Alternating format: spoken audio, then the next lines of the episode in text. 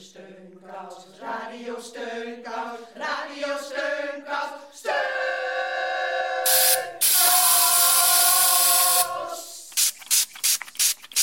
Heel hartelijk welkom bij Radio Steunkous.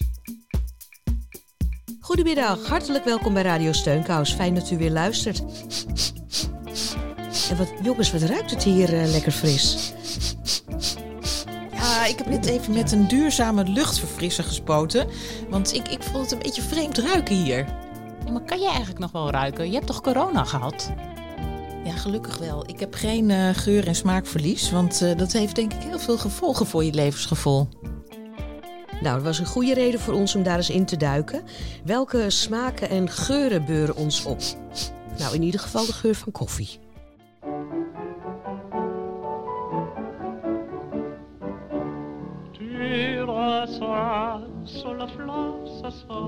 Mijn Mina houdt geen bonnen, geen bonnen, geen bonnen. Zo'n vreemde in je huis, dat vindt ze dol. Zij heeft maar één japonne, japonne, japonne. En voor het werk een paarse overal. Ze kent geen vreemde talen, maar dat heeft er nooit gestoord. Als zij gaat redeneren, komt er toch geen mens aan het woord. Het is maar een meisje van alle dag, maar eentje die er wezen mag. Ze speelt geen tennis met een kennis, dat is een boffie. Maar ze zet zo'n lekker bakje koffie. Oh, zo'n lekker bakje koffie. La di da rosa flor. Mijn Mina kan niet trotten, niet trotten, niet trotten. Ze is absoluut niet wat je noemt mondijn. Toch houdt ze van ravotten, ravotten, ravotten. Wanneer ze met me stoeit, doet me alles pijn. Ze heeft nog nooit aan sport gedaan, maar lopen kan ze straf. Als zij begint te tippelen, leidt Piet Moeskop het bij af. Het is maar een meisje van alle dag, maar eentje die er wezen mag. Ze speelt geen hockey met een stokkie, dat is een boffie. Maar ze zet zo een immers bakje koffie. Oh, zo'n heerlijk bakje koffie. Fla, fla, fla, safla, safla, sa, safla. Mijn Mina heeft een puistje, een puistje, een puistje. Daarmee voelt zij verandering van het weer. Mijn Mina heeft een vuistje, een vuistje, een vuistje. Daar slaat ze zeven veldwachters mee neer. Zij is niet muzikaal, maar als het kind een lied chanteert, dan wordt er in de beeld altijd een aardschok genoteerd. Het is maar een meisje van alle dag, maar eentje die er wezen mag. Ze draagt geen crepe de dat is een boffie, maar ze zet zo een lekker bakje koffie. Oh, zo'n heerlijk bakje koffie, een bakje leuk. Nou, Lijn, schenk mij nog maar een lekker bakje koffie in. Oh, heerlijk. Mmm, lekker. Koffie. En gatlijn, dan moet je echt ophouden met die parfum. Het stinkt echt. Ja, je, je moet niet blijven spuiten. Er hangen hier nu allerlei geurtjes door elkaar heen. Dat is ook niet lekker. Hoe zou het nou zijn als je niet kan ruiken? Dat is nu heel actueel, omdat een van de gevolgen van eh, corona reuk- en eh, geurverlies kan zijn. Eh, Anke, jij bent op onderzoek uitgegaan, hè? Ja, ik wilde eerst wel eens weten voordat ik het onderzoek startte. Welk impact het heeft op je leven als je niet meer kunt ruiken. En daarvoor heb ik de vereniging Amnosmie gebeld. Dat is een patiëntenvereniging voor iedereen die problemen heeft met zijn reuk en smaak. Ik sprak de voorzitter, Kirsten Jaarsma, en ik vroeg haar hoe belangrijk ruiken nu eigenlijk is. Reuk is een belangrijk component van je smaakbeleving. Als je eh, je reuk verliest, dan mis je ongeveer 80% van je smaakbeleving. Dus je eten smaakt niet meer. eh, ja, mensen worstelen gewoon met het feit dat, dat eten wat je normaal lekker vindt gewoon naar niks smaakt. Uh, maar het heeft, reuk is ook gewoon echt een heel belangrijk uh, zintuig voor veiligheid. Dus veiligheid in huis. Je kan niet meer ruiken of je eten aanbrandt of dat er, nou ja, gas kan je ook niet meer ruiken. Maar het gaat ook over, over um, ja, sociale communicatie. Kijk, het is bijvoorbeeld als je anosmie hebt, je kan jezelf niet meer ruiken. Dus je ruikt niet meer naar of je, weet niet of je naar zweet ruikt of uh, nou ja, je kan douchegel gebruiken, maar dat, dat is, ja, die geurtjes die, die, die mis je allemaal. En men, dat maakt mensen onzeker. Wij weten ook dat mensen dan vaker gaan douchen. En je hebt eigenlijk dan iemand nodig die je die je helpt uh, om te kijken of je nog een shirtje aan kan. Dus je moet dat aan je huisgenoten vragen van uh, kan, ik, uh, kan ik het t-shirtje nog aan of niet. En, het is een, en, en geur is een heel belangrijk zintuig ook voor, ehm, wat ik net ook zeg, sociale communicatie. Um, ja, het niet, niet, meer kunnen ruiken van je partner of je kind, dat is echt ook een, een, een, enorm gemis. Dat, dat is echt ook heel heftig. En je merkt ook wel dat mensen die dus corona hebben... Um, uh, en een reuk verliezen, of corona gehad hebben en een reuk verliezen, dat die ook, uh, ja, mensen zijn echt wel in, in, uh, in shock. En, ja, en wij proberen gewoon ook mensen te helpen met tips en vooral ook het, het, lotgenotencontact is belangrijk. we hebben daar ook in september een Facebookgroep voor opgestart. Die heet Reukverlies naar COVID-19. En daar zitten inmiddels ja, een kleine 5000 mensen op die ervaringen met elkaar delen. En dan merk je ook wel dat het ook belangrijk is, is dat je weet dat je niet alleen bent uh, met uh, deze, deze problematiek. 5000 mensen die zich sinds september hebben aangemeld met reukproblemen nadat ze corona hebben gehad. Dat vind ik echt wel ontzettend veel. Ja, ik schrok er zelf ook van. Het is wel te gek dat er zo'n vereniging is waar lotgenoten met elkaar contact kunnen hebben. Anke, wat ben je nog meer te weten gekomen? Nou ja, in de voorbereiding naar deze uitzending uh, moest ik opeens ook denken aan Joke Boon. En zij is een culinair journalist en zij schrijft onder meer kookboeken. de afgelopen kerst stuitte ik op een heerlijk recept van haar, ravioli gevuld met pompoen en tonijn. Mm, een aanrader. Maar toen ik beter las, zag ik dat Joke op haar vierde al haar reuk en smaak was verloren. Hè? Dus ze schrijft kookboeken terwijl ze zelf niet kan uh, ruiken en proeven. Ja, ik, ik reageerde net zo verbaasd als jij en daarom heb ik haar gebeld ik was toen ik vier was, was ik heel vaak verkouden, wat de meeste kinderen zijn als ze vier zijn. En toen ik mijn manden verwijderd. En daar verdies je reuk niet van. Maar aansluitend werd ik heel erg verkouden. En ja, dat schijnt fataal geweest te zijn voor mijn uh, reukvermogen. en hoe, uh, want dan ben je dus heel klein. Vier. Ja. Heb je dat dan ja. door? Nee, nee, nee, maar ik werd heel lastig met eten. En zo hebben mijn ouders het eigenlijk kunnen herleiden. Want ze weten dat ik wel heb kunnen ruiken. Omdat um, we waren een keer op visite in een, in een volle kamer bij Tante Wil. En toen fluisterde ik zoals kinderen van een jaar of drie dat doen. Met mijn handen voor, voor mijn moeder oor. Tante Wil, steek dat net. Nou ja, dat fluisterde ik nogal hard. Dus dat viel een beetje stil. En tot tante Wil zelf heel hard begon te lachen. En toen was iedereen mee te lachen. Dus mijn ouders herinnerden zich dat omdat dat een beetje een gênant moment was. dus vandaar dat ze weten dat ik wel heb kunnen ruiken. Maar ik werd lastig met eten. Ik lustte geen bit eten, geen zoet eten, geen slijmerig eten. En de woorden die, waarmee je eten omschrijft, schrijft, werden opeens belangrijk. En van de bloedrust opeens heel vies, weet je, dat soort dingen, dat roel er gingen andere aspecten gingen een, rol spelen. En weer later kwam daar de emotie bij. Ik het al heel zielig, snel zielig, als je heel jong kind al heel zielig voelt um, om dieren te eten.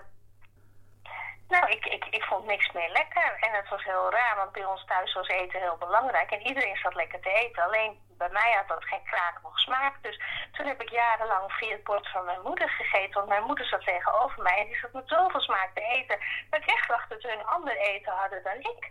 En um, de eerste echte keer dat ik zeker weet dat ik wist dat ik niet kon was een jaar of zeven. Toen zat er in de, in de klas achter mij een klasgenootje die ging kotsen. En die braakte over tafel. En ik was gefascineerd tot te kijken hoe dat over die tafel golfde. En hoe zij zat te braken, hoe dat er nou eigenlijk uitzag. Tot iedereen achteruit drijfde, want het stond natuurlijk reuze zuur. En de leraar kwam met zo'n doekje aangelopen en die zei... Dus ik, oh, zal ik het even schoonmaken? Want ik ruik het toch niet. Ik, ik heb me dat herinnerd, omdat ik later zo beledigd was dat mijn moeder moest kort daarop naar een ouderavond. En toen zei die leraar, nou, je moest Joke maar geen, Joke moest maar geen huisvrouw worden. Want die hij noemde dat voorval. En toen zei hij, ze was zo onhandig met het doekje. En toen weet ik nog dat ik als kind al heel erg beledigd was dat die leraar dat, dat, dat zei. Ja, want ik, ik was, ten eerste vond ik het al heel erg... Eh, ja, ik denk dat ik gewoon een soort feminist van geboorte ben. Dat vond ik het wel heel denigrerend dat ik dan de huisvrouw blijkbaar moest worden. Of, of dat ik daar niet voor in de wieg leg. En terwijl ik het goed bedoelde, ja. hij mijn uh, schoonmaakkunsten uit. Ik bedoel, ik was een kind van zeven. Dan, ja, dan, ja. Nou ja, goed. Ja. Daar was ik heel erg pissig over. Dus Vandaar dat ik het nog weet. Zo lang verhaal kort. Vandaar dat ik het nog weet. Ja, Joke die verloor haar reuk nadat er amandelen geknipt waren en er een virusinfectie was ontstaan. Zijn die van jullie eigenlijk eh, geknipt? Ja, die van mij wel. Ook toen ongeveer toen ik uh, vier jaar oud was. Ik had inderdaad ook uh, erg last. Helemaal van die zwellingen achterin. En uiteindelijk zijn ze ook geknipt. Ik, ik, heb ze nog, maar ik, ik blijf nog steeds even bij Joke hoor. Ik vind het wel verbazingwekkend dat je kookboeken schrijft terwijl je niet kan proeven. Ze vertelde dat ze wel iets proeft.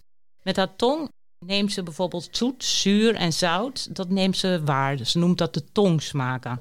En ook voelt ze de prikkeling van bepaalde voedingsmiddelen, zoals munt, gember, peper en mosterd. Maar ja, je hebt gelijk. Het blijft fascinerend hoe het is gekomen dat zij van koken haar werk heeft gemaakt. Dat is gekomen omdat ik, wat ik al zei, in een gezin ben geboren waar eten echt heel belangrijk was. Mijn moeder had als klein kind de hongerwinter meegemaakt. En zo'n honger dat ze zich daarna voornam met de stelligheid waarop je dat als kind doet.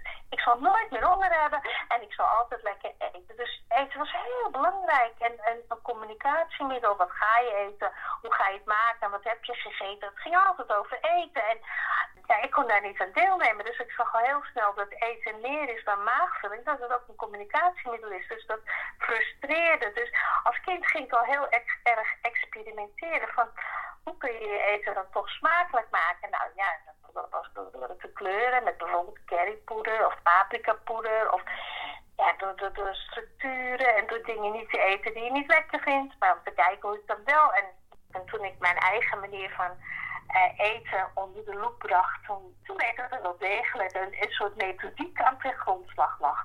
Dus die heb ik beschreven. En um, dat houdt in dat je heel erg op kleuren, structuren, temperaturen, prikkeling let. En um, als ik met mijn man uh, samen eet, dan ik stop het in mijn mond en ik proef meteen. Want dat is wat het is. Zoet, zuur, zout, bitter en structuur en temperatuur. Dus ik kan meteen zeggen lekker of niet lekker. In, in mijn beleving. Maar zegt mijn man altijd, ja wacht maar even, ik moet het eerst even proeven. Dus bij hem is dat proeven, staat het veel meer lagen en, en, en, en, en facetten dan het bij mij. Bij mij is het gewoon eendimensionaal. Ik proef zoet, zuur, zout, bitter en umami. En het, is meer of minder, lichter of zwaarder. En ik voel de temperatuur en de structuur. Dus ik zeg wel degelijk lekker, maar dan volgens mijn uh, beleving.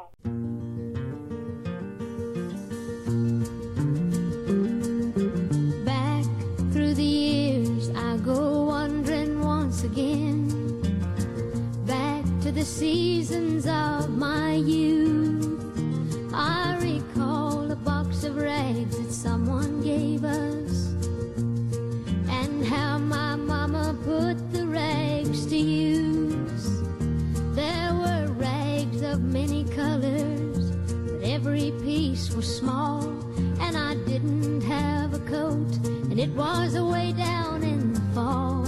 Mama sewed the rags together, so in every piece with love she made my coat of many colors that I was so proud of.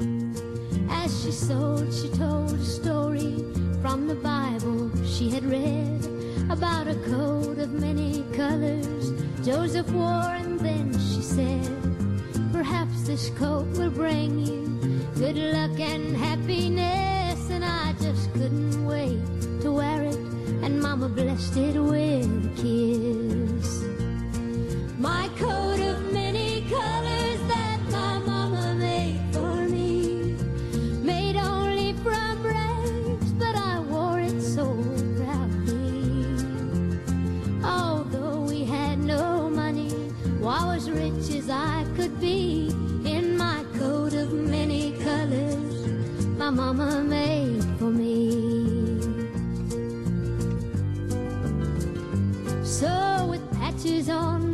and holes in both my shoes, and my coat of many colors, I hurried off to school just to find the others laughing and making fun of me and my coat of many colors my mama made for me. And oh, I couldn't understand it, for I felt I was rich. And I told them all the sewed in every stitch. And I told him all the story Mama told me why she sewed and how my coat of many colors was worth more than all their clothes. But they didn't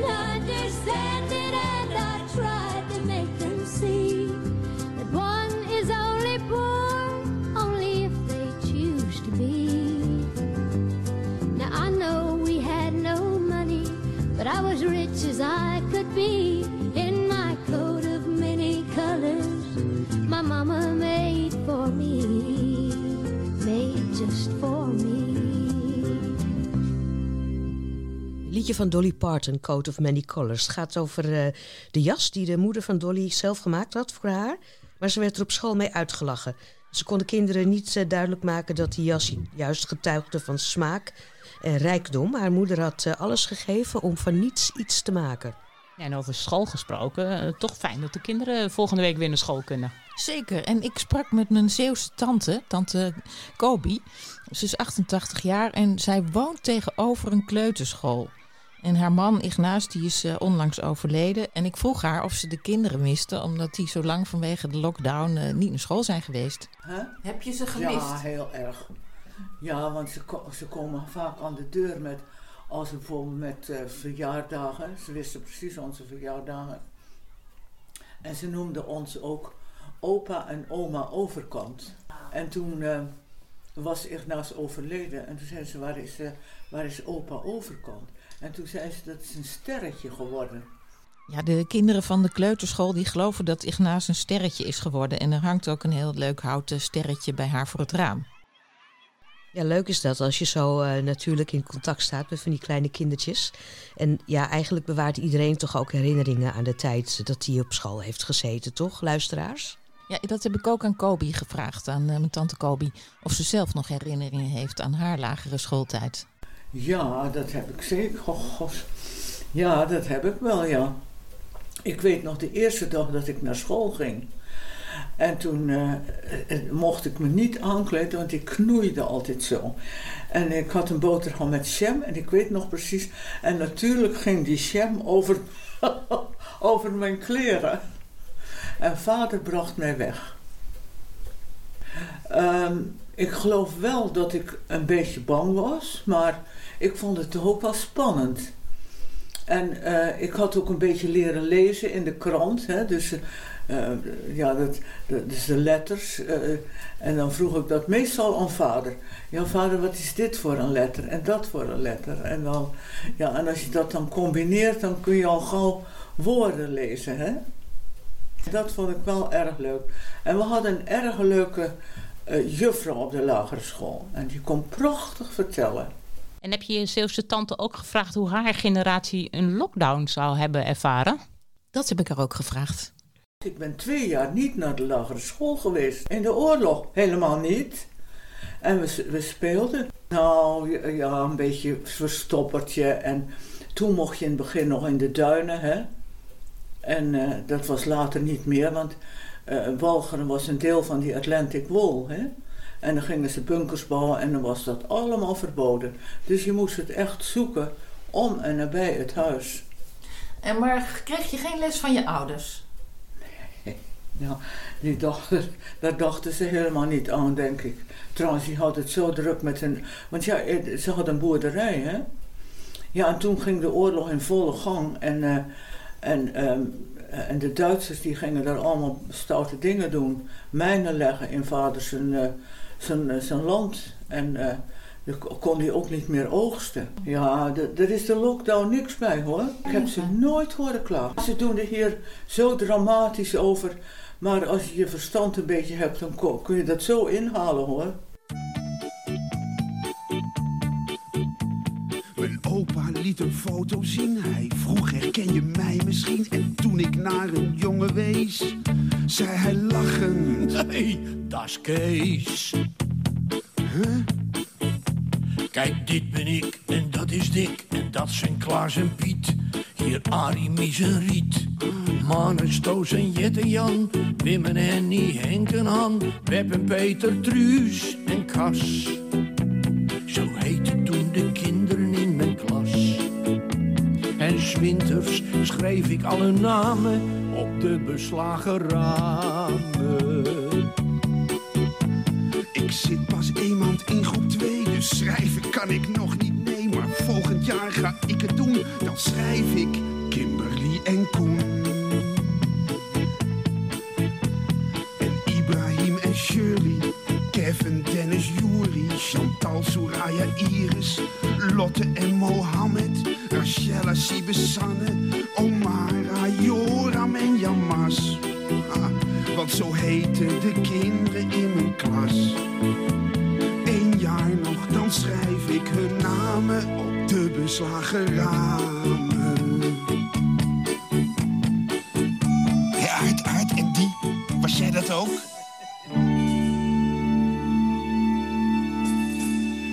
Ja, dat was een prettige rela- relativerende opmerking eh, van je tante. We zijn zo bang voor achterstanden en zo, maar het valt allemaal best wel in te halen. Zelfs als je twee jaar geen school hebt gehad. Nou, de 87-jarige Femke, die heeft een hele andere ervaring. Nou, ik ben niet veel naar school geweest, laat ik jou dat vertellen. Ik heb maar drie klassen gehad. Drie, vier klassen. Ik ben een oorlogskind nog, hè. Oeh, ja. Dus ik heb eh, drie, vier klassen gehad. Waardoor ik nog naar buiten gestuurd werd. Voor de honger. In de hongerwinter. Naar mensen in een dorp. En ja, daar ging ik niet naar school. Want het waren gereformeerde mensen en ik was niks. En, en er was geen school. Voor die kinderen ook niet. Dus ja, dat, eh, en ik ging heel graag naar school. Dus nou, toen kwam ik weer terug. En toen had ik een beetje TBC. En toen ben ik weer een half jaar weer terug geweest naar die mensen. Ik, eh, ja, Maar daarna ook nooit meer naar school. ja, en toen was ik, nou ja, toen weer naar school. En toen was ik, werd ik veertien. En toen ging mijn moeder verhuizen, want die hield van verhuizen. En toen eh meldden ze me aan aan een school aan de overkant in de Jordaan, Egelantiersgracht. En eh, nou, eh, ik wil mijn dochter aan me melden. Nou, hoe oud is ze? Nou, zegt hij nog 14 jaar, nou dan hoeft ze niet meer. Nou, klaar. Werken. Dus toen ging ik werken. Femke was door de oorlog en het vele verhuizen van haar moeder op een gegeven moment te oud om nog naar de basisschool te mogen. En daardoor moest ze als 14-jarige aan het werk. Ze kwam terecht in de snoepjesfabriek, waar zij haar huidige man leerde kennen en zijn nu meer dan 71 jaar samen. We komen straks nog een keer terug bij Femke, want haar nu 91-jarige man heeft door COVID ook zijn reuk en smaak verloren. Het lijkt me soms trouwens eh, best handig om niet te kunnen ruiken. Want eh, kunnen jullie je nog eh, Beb de Bel herinneren? Die, Oh, een tijd geleden ja, alweer, hè? een tijd geleden, maar die was heel openhartig eh, tegen ons. En ze vertelde hoe naar het was als anderen roken dat ze een stoma had. En durf je tegen mensen te zeggen dat je een stoma hebt? Ja, hoor, ik wel. Dus je schaamt je er niet voor? Nee hoor, ik niet. In, in, in, mijn jaarhuis weten ze het allemaal. Want het stonk in het begin, hè. Dus zei ze, goh, wat stinkt die stoma? Lijkt me naar, naar, eh, naar put. Weet je, naar zo'n put. Dat ze zeggen, eh, Bub, die stoma stinkt, ga ergens anders zitten. Zie je, nou ja, eh, ik, ik heb het ook niet gedaan, opgewild. het gebeurt eenmaal zo. Het is wel vies, maar ja, het, je hebt nog meer vieze dingen allemaal. Die rotdingen. Ja, je zou bijna denken, wat zou het eigenlijk handig zijn als je af en toe niet zou kunnen ruiken? Dat heb ik Joke ook gevraagd. Nou, ze was vrij stellig in haar antwoord. Ik weet het jaren geleden, de- de- toen ik eh, een keer een, bij, naar een likeurstokkerij ging, dat ik iemand, eh, die man sprak en die liet me alles proeven. En toen zei ik, ja, maar ik kan het niet proeven of ik kan niet ruiken. Toen zei hij, ja, als jij heel erg je best doet, dan kun je wel ruiken. En dat brengt me meteen op het volgende. Als je, zou je dat toen was ik echt heel erg gekwetst en ook heel erg beledigd. Toen zei ik tegen die man, zou je dat ook tegen me zeggen als ik blind was? Toen Ja. zei hij, nee. Ik zeg, waarom zeg je dat dan wel nu tegen mij? Weet je, ik bedoel, en dat is, de, de reuk wordt vaak eh, de afspoelte van de zintuigen genoemd. Want mensen zeggen ook vaak, zeg maar, nou, ruik je, eh, nou, niet kunnen ruiken, dat is eigenlijk helemaal niet erg. Dan ruik je ook geen vieze geuren. En eh, nou, dan kun je beter hebben dan doof of blind. Maar het is helemaal geen eh, wedstrijd tussen de zintuigen. We hebben vijf zintuigen en die heb je niet voor niets. Die geven allemaal zin aan je bestaan. En hebben allemaal een rol. En als je niet kunt ruiken, dan mis je bijna twee zintuigen. Dus om daar zo denigrerend over te doen, geeft ook blijk van geringschatting van dat zintuig. Terwijl eh, als je het mist, nou, dan zijn de rapen. Hoor. Want ik, krijg wekelijks heel veel mailtjes van mensen die hun reuk verloren zijn. En die zeggen van, ik wist niet dat het zo erg was. En ik ben er heel erg depressief van. En ik, kan niet meer eten en ik val er van af. En ik heb er echt gewoon heel erg last van. En dus ruiken, dat is een zintuig waarvan je pas weet wat het is als je kwijt bent. Dus als je mij nu vraagt, zou je willen ruilen? Dan zeg ik nee, want ik, ik denk dat ik het heel overweldigend zou vinden om te kunnen ruiken. En ik zou het ook niet, de wereld zou niet meer mijn wereld zijn. Dus ik zou wel mijn kinderen heel graag willen ruiken, maar in- mijn leven is compleet en goed zoals het nu is, zonder reuk. Maar ehm, het heeft geen voordelen om niet te kunnen ruiken. In april komt het nieuwe boek van Joke uit. Met de beste recepten voor mensen die niet of minder kunnen ruiken en proeven. Maar uiteraard staan er ook allerlei praktische tips en trucs in om je andere zintuigen te ontwikkelen en te prikkelen, waardoor het leven toch weer een beetje kleur krijgt. hey, kom jij vandaag nog eens? Wat heb jij nou? Even iets, eh, ik heb even iets opgehaald. Want ik wil heel graag een leuk zintuigelijk spelletje met jullie spelen. Dat speelde ik vroeger altijd. Het heet A, B of C. En ehm, daarvoor heb ik iemand nodig die geblinddoekt eh, wordt. Ik wijs gelijk naar Ellie. Oké, kan jij Ellie Ik ben even de enige zonder leesbril, hè, dus dat is het makkelijkste.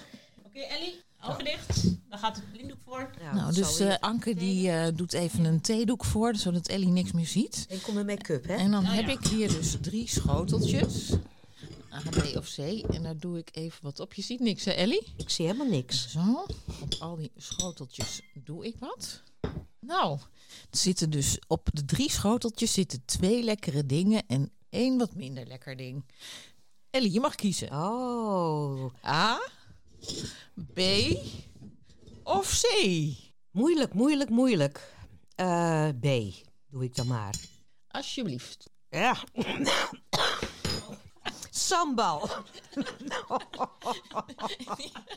Wij gaan ondertussen naar het Oosterpark. Daar kwam Lijn Elias Contrabas tegen. Wat een enig spelletje. Elias heeft geen vaste woon- of verblijfplaats, maar hij heeft wel altijd een contrabas bij zich. We gaan even naar hem luisteren.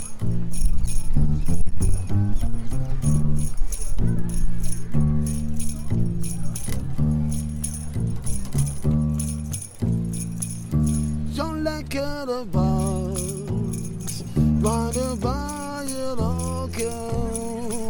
Zo'n heerlijke bas, uit de Jordaan. Die me herinnert, je tijden loken. Bloedrood kralen en pareltjes aan. Je ogen die draaien, waaien. Je ziet de baaien ook erom als kuppeltjes gaan. En draai maar rechtsom, dan linksom. Op de oude koppenbos aan de Jordaan. Waar kun je nog lachen, waar kun je nog huilen? In Amsterdam. Je kunt het nog horen, de Westertoren in Amsterdam. Waar gaat het je blijven, de bokjes nog drijven in Amsterdam. Ja, horige klanken en honden die janken in Amsterdam.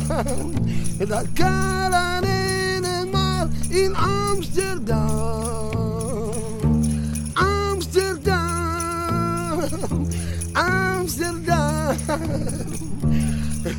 Dat kan alleen maar in Amsterdam. Amsterdam. Ja, dat smaakte naar meer. Wie geen eh, smaak meer heeft, is de 91-jarige man van Femke. Femke hoorden we net al vertellen dat ze slechts drie jaar naar school is geweest. Afgelopen week kwam ik haar tegen op straat. Ze stond te praten met haar buurvrouw en ze vertelde dat haar man sinds september, nadat hij COVID heeft gehad, niks meer ruikt en proeft. Hij ligt alleen nog maar in bed en zij wordt er een beetje moedeloos van. Ja, ja.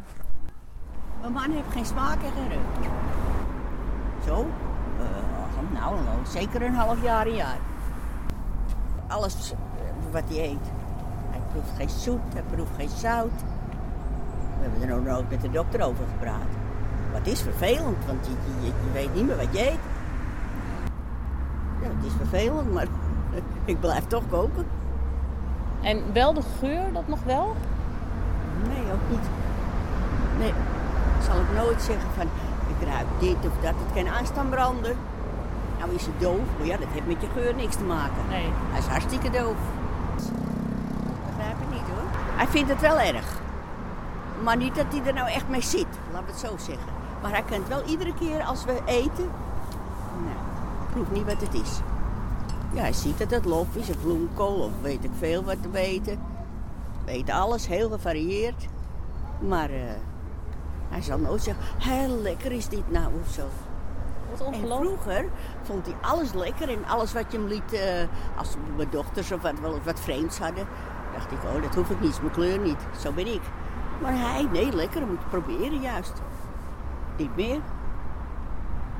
Heel vervelend is het. Ik heb zelf een hekel aan warm eten. En hij heeft altijd graag gegeten en lekker en warm. Dus ik kook voor hem. Maar als, ik, als hij er niet meer is, hou ik ermee op. Dan moeten de kinderen maar zorgen dat ik een hapje... Want ik eet ook nog eens een babyhapje. Dat kan je toch niet koken? Hoe, hoe, moet, ik, hoe moet ik dat doen? Ik kan het toch halen dan? Ja, wat, wat, wat moet ik halen? Ik had gewoon met de kookt het, is klaar. Oh, zo zo'n hapje. Ja, je kan ook bij de banketbakkerschool, kan dat ook. Ja, maar ik haal het gewoon, maar ik zie het net. Maar jullie koken allebei niet? Ik, uh, Zij is uh, net weduwel, ik hou een dus anderhalf niet over jaar. van warm eten, maar ik eet wel hoor. Wel, ja, je kan van alles... Maar ik eh, haal het gewoon. Ja. Dat is een goede tip, toch? Ja, natuurlijk. Dan kun je zelf zorgen. Ja, dus dat zou ik dan misschien ook moeten gaan doen. Ja, Ja, je kan niet zonder. Nee. En ook niet alleen zonder eh, aardappel en groenten natuurlijk. Dat moet je toch wel eens eten. Altijd een hele kleine eter geweest. Ik eet wel mee, maar ik kan er van misselijk van worden en van rillen. Echt waar. Maar waar houdt u dan wel van? Van zoet? Van pasta en zoet. Ja, ik ben een zoete kou. Ah. Ik heb suiker, maar ik ben een zoete kou. Ja, dat horen wij best vaak. Dat mensen niet meer voor zichzelf gaan koken als eh, de partner is overleden. Eh, ja, je eetlust die verdwijnt. Maar eigenlijk juist door te koken krijg je weer trek. Ja, denk maar aan van die, die grote supermarkten en de bakkers en zo.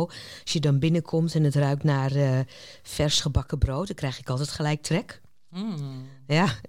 Ben jij, Anke, nog eh, mensen tegengekomen op straat die eh, ervaring hadden met niet meer kunnen ruiken?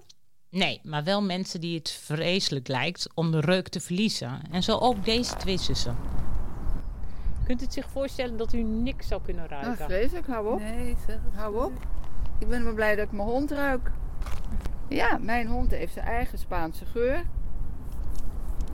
Kunt u dat beschrijven hoe dat ruikt? Als hond. Ja. ja, dan denk ik aan een soort natte krant. Nee, als hond, als mijn hond, met een bepaalde geur die ik ken. En hoe belangrijk eh, is het voor u een geur?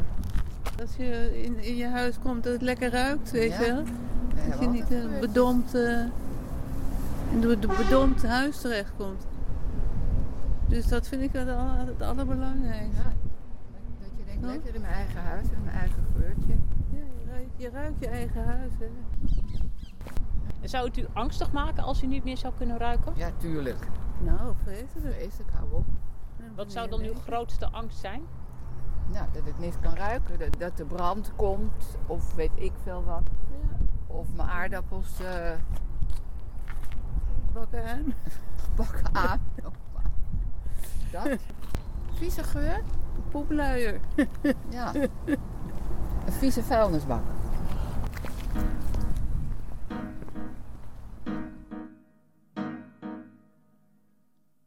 Excellentie het ergste is de stank. Die voedselbank, dat gaat nog wel. En zelfs de kou die optrekt tot je kloten. Als het gas is afgesloten, kinderspel. Maar de geur van schuld. De geur van op de proef gesteld geduld. De geur van huiselijk geweld. De geur van het verschaalde geld. Het is de geur die je al ruikt als je de bel indrukt. Hun honden blaffen, ingerukt. Ze hebben altijd honden. Magere scharminkels die de pan uit mogen likken. Hun scherpe nagels tik op de vuil geworden vloer. Het ritme van de radeloosheid. Het is de geur van de ternauwernood in toom gehouden boosheid. De geur van angst die rondwaart in hun miserige woning. Uw land van melk en honing, excellentie, heeft huizen penetranter dan de hel. U kent ze wel. U kent ze niet.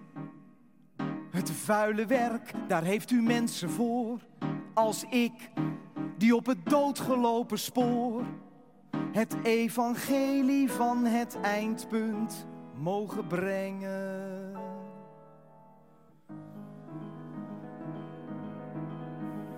Kon u zelf maar ruiken hoe die geuren zich vermengen met de beelden van hun kinderen die bleek moeten vreten van een tientje in de week.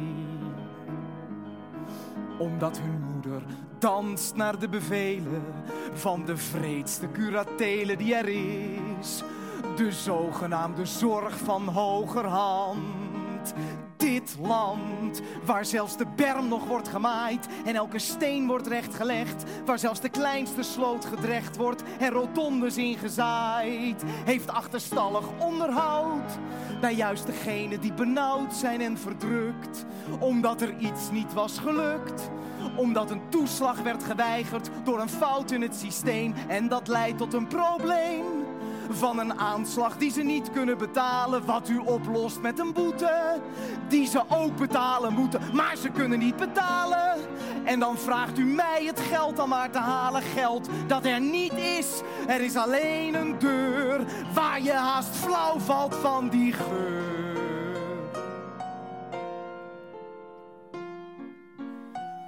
Toon Tellegen die, eh, die schreef ook een leuk verhaal over een eh, eekhoorn die zijn geur had gebroken. Ik heb een keer mijn reuk gebroken, zei de krekel. Je reuk? Hoe kan je die nou breken? vroeg de eekhoorn. Alles kan breken. De grond, de golven, de stilte, je voet, je stem, dus ook je reuk. Het gebeurde toen ik eens heel hard aan een roos stond te ruiken. Deed het pijn? vroeg de eekhoorn. Verschrikkelijk, zei de krekel. Maar het is eigenlijk geen pijn. Het is stank van bedorven grond, van rotte wortels, van oud vet. Huh? Wat ontzettend, zei de eekhoorn. En toen? Nou, ik ben naar de boktor gegaan en die heeft mijn reuk gespalkt. Wat zeg je nou? Nou, die heeft hem gespalkt met de geur van alsemsap. Twee maanden rook ik alleen maar alsem. Ik mocht niets anders ruiken. Jongen, jongen, zei de eekhoorn. Toen was ik weer beter, zei de krekel. En dat alles door zo'n roos? Ja, maar ik, ik had ook wel heel hard geroken. De eekhoorn zocht in zijn herinnering naar iets bijzonders dat hij had meegemaakt. Maar hij kon niets vinden. Ik heb nooit iets beleefd, zei zacht. Oh ja? zei de krekel. Wat ongelooflijk! En hij keek hem met grote nieuwsgierige ogen aan. Zo zijn we allemaal op onze eigen manier bijzonder. Ook als je niks meemaakt, is dat juist eh, voor een ander weer heel eh, uitzonderlijk. En als u iets uitzonderlijks heeft meegemaakt of iets leuks heeft te vertellen op ons telefoonnummer, doe dat dan op 06 125 64 364. Even luisteren of er iemand gebeld heeft. Telefoon, telefoon, telefoon, telefoon, telefoon. Telefoon, telefoon, telefoon, telefoon, telefoon, telefoon, telefoon. Het volgende gedicht is van Paul. Ik drink op de mensen die bergen verzetten. Die door blijven gaan met hun kop in de wind ik drink op de mensen die met vallen en opstaan blijven geloven met het geloof van een kind. Dit was het gedicht van Paul. Dank u.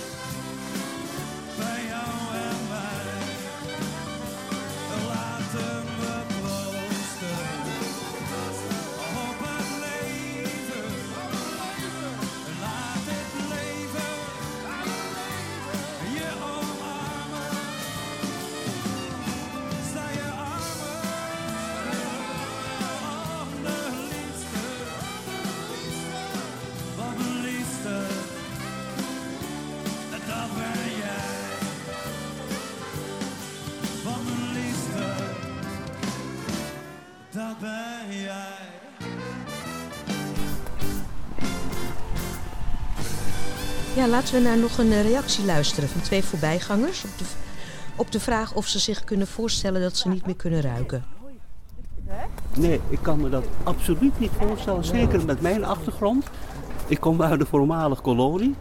daar zijn dus specerijen, geuren van het eten dus. van groot belang natuurlijk. Dus, eh, en dat wil je toch niet kwijt, want dat associeer je altijd. Als je eh, al iets ruikt eigenlijk van een Indonesische of Indische maaltijd, dan krijg je al honger eigenlijk. Dat ruik je eigenlijk. Het, eh, dus eh, nee, dat kan ik me absoluut niet voorstellen. En dat zou ik ook vreselijk vinden. Want eten associeer ik ook met geur, behalve dan de smaak.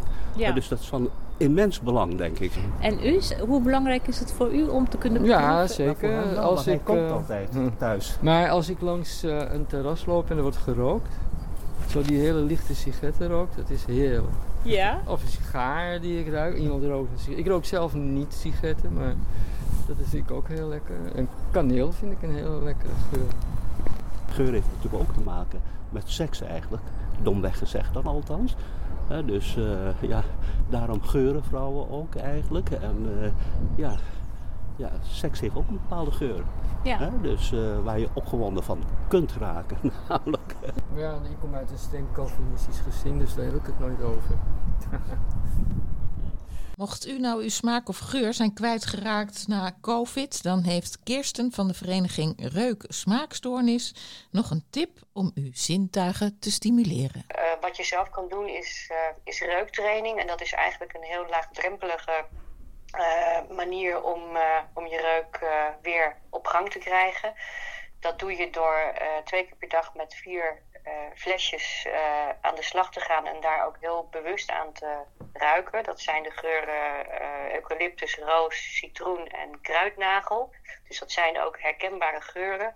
En wat je daarmee doet is eigenlijk ehm, op het moment dat, dat eh, je reukreceptoortjes die boven je neus zitten, waar de, zeg maar, virus de schade aanricht, die gaan zich eh, wel weer herstellen. En je helpt eigenlijk eh, die reukreceptoortjes op het moment dat, dat, niet, dat niet alles nog goed werkt, dat zij toch signalen, prikkels doorgeven naar de hersenen, die de hersenen ook weer kunnen herkennen. Want iedereen weet wat de geur van citroen is. En als dat dan misschien niet helemaal compleet binnenkomt in de hersenen, dan eh, eh, ja, help je eigenlijk gewoon de, de hersenen weer om, eh, de, de, verbinding tussen neus en hersenen weer goed op gang te krijgen. En wij noemen dat eigenlijk fysiotherapie voor de neus.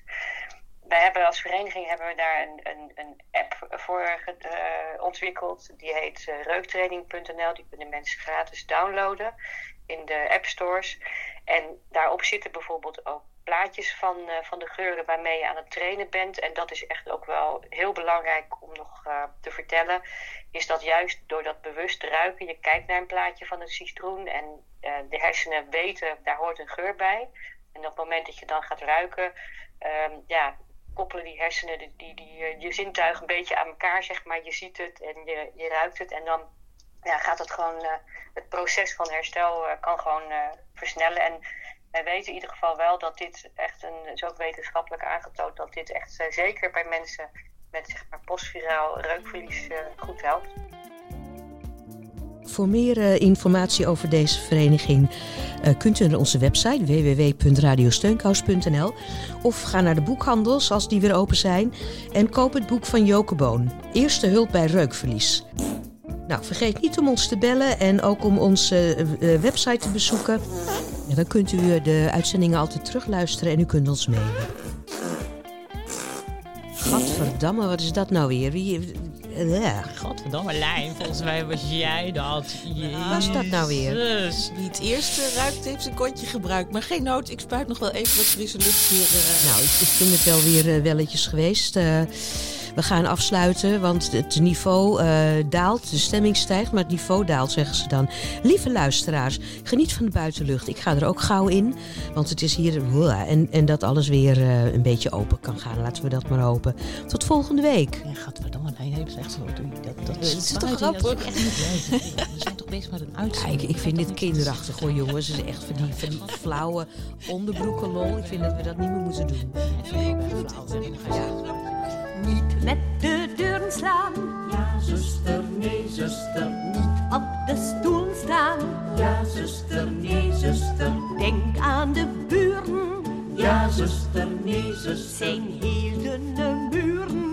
Ja, zuster, nee, zuster, laten we allemaal doen wat we willen. Zonder te schreeuwen en zonder te gillen. Doe wat je het liefste doet, ja, zuster, nee, zuster. Dan is het altijd goed. Ja, zuster, nee, zuster. Ja, zuster, nee, zuster. Ja, zuster, nee, zuster.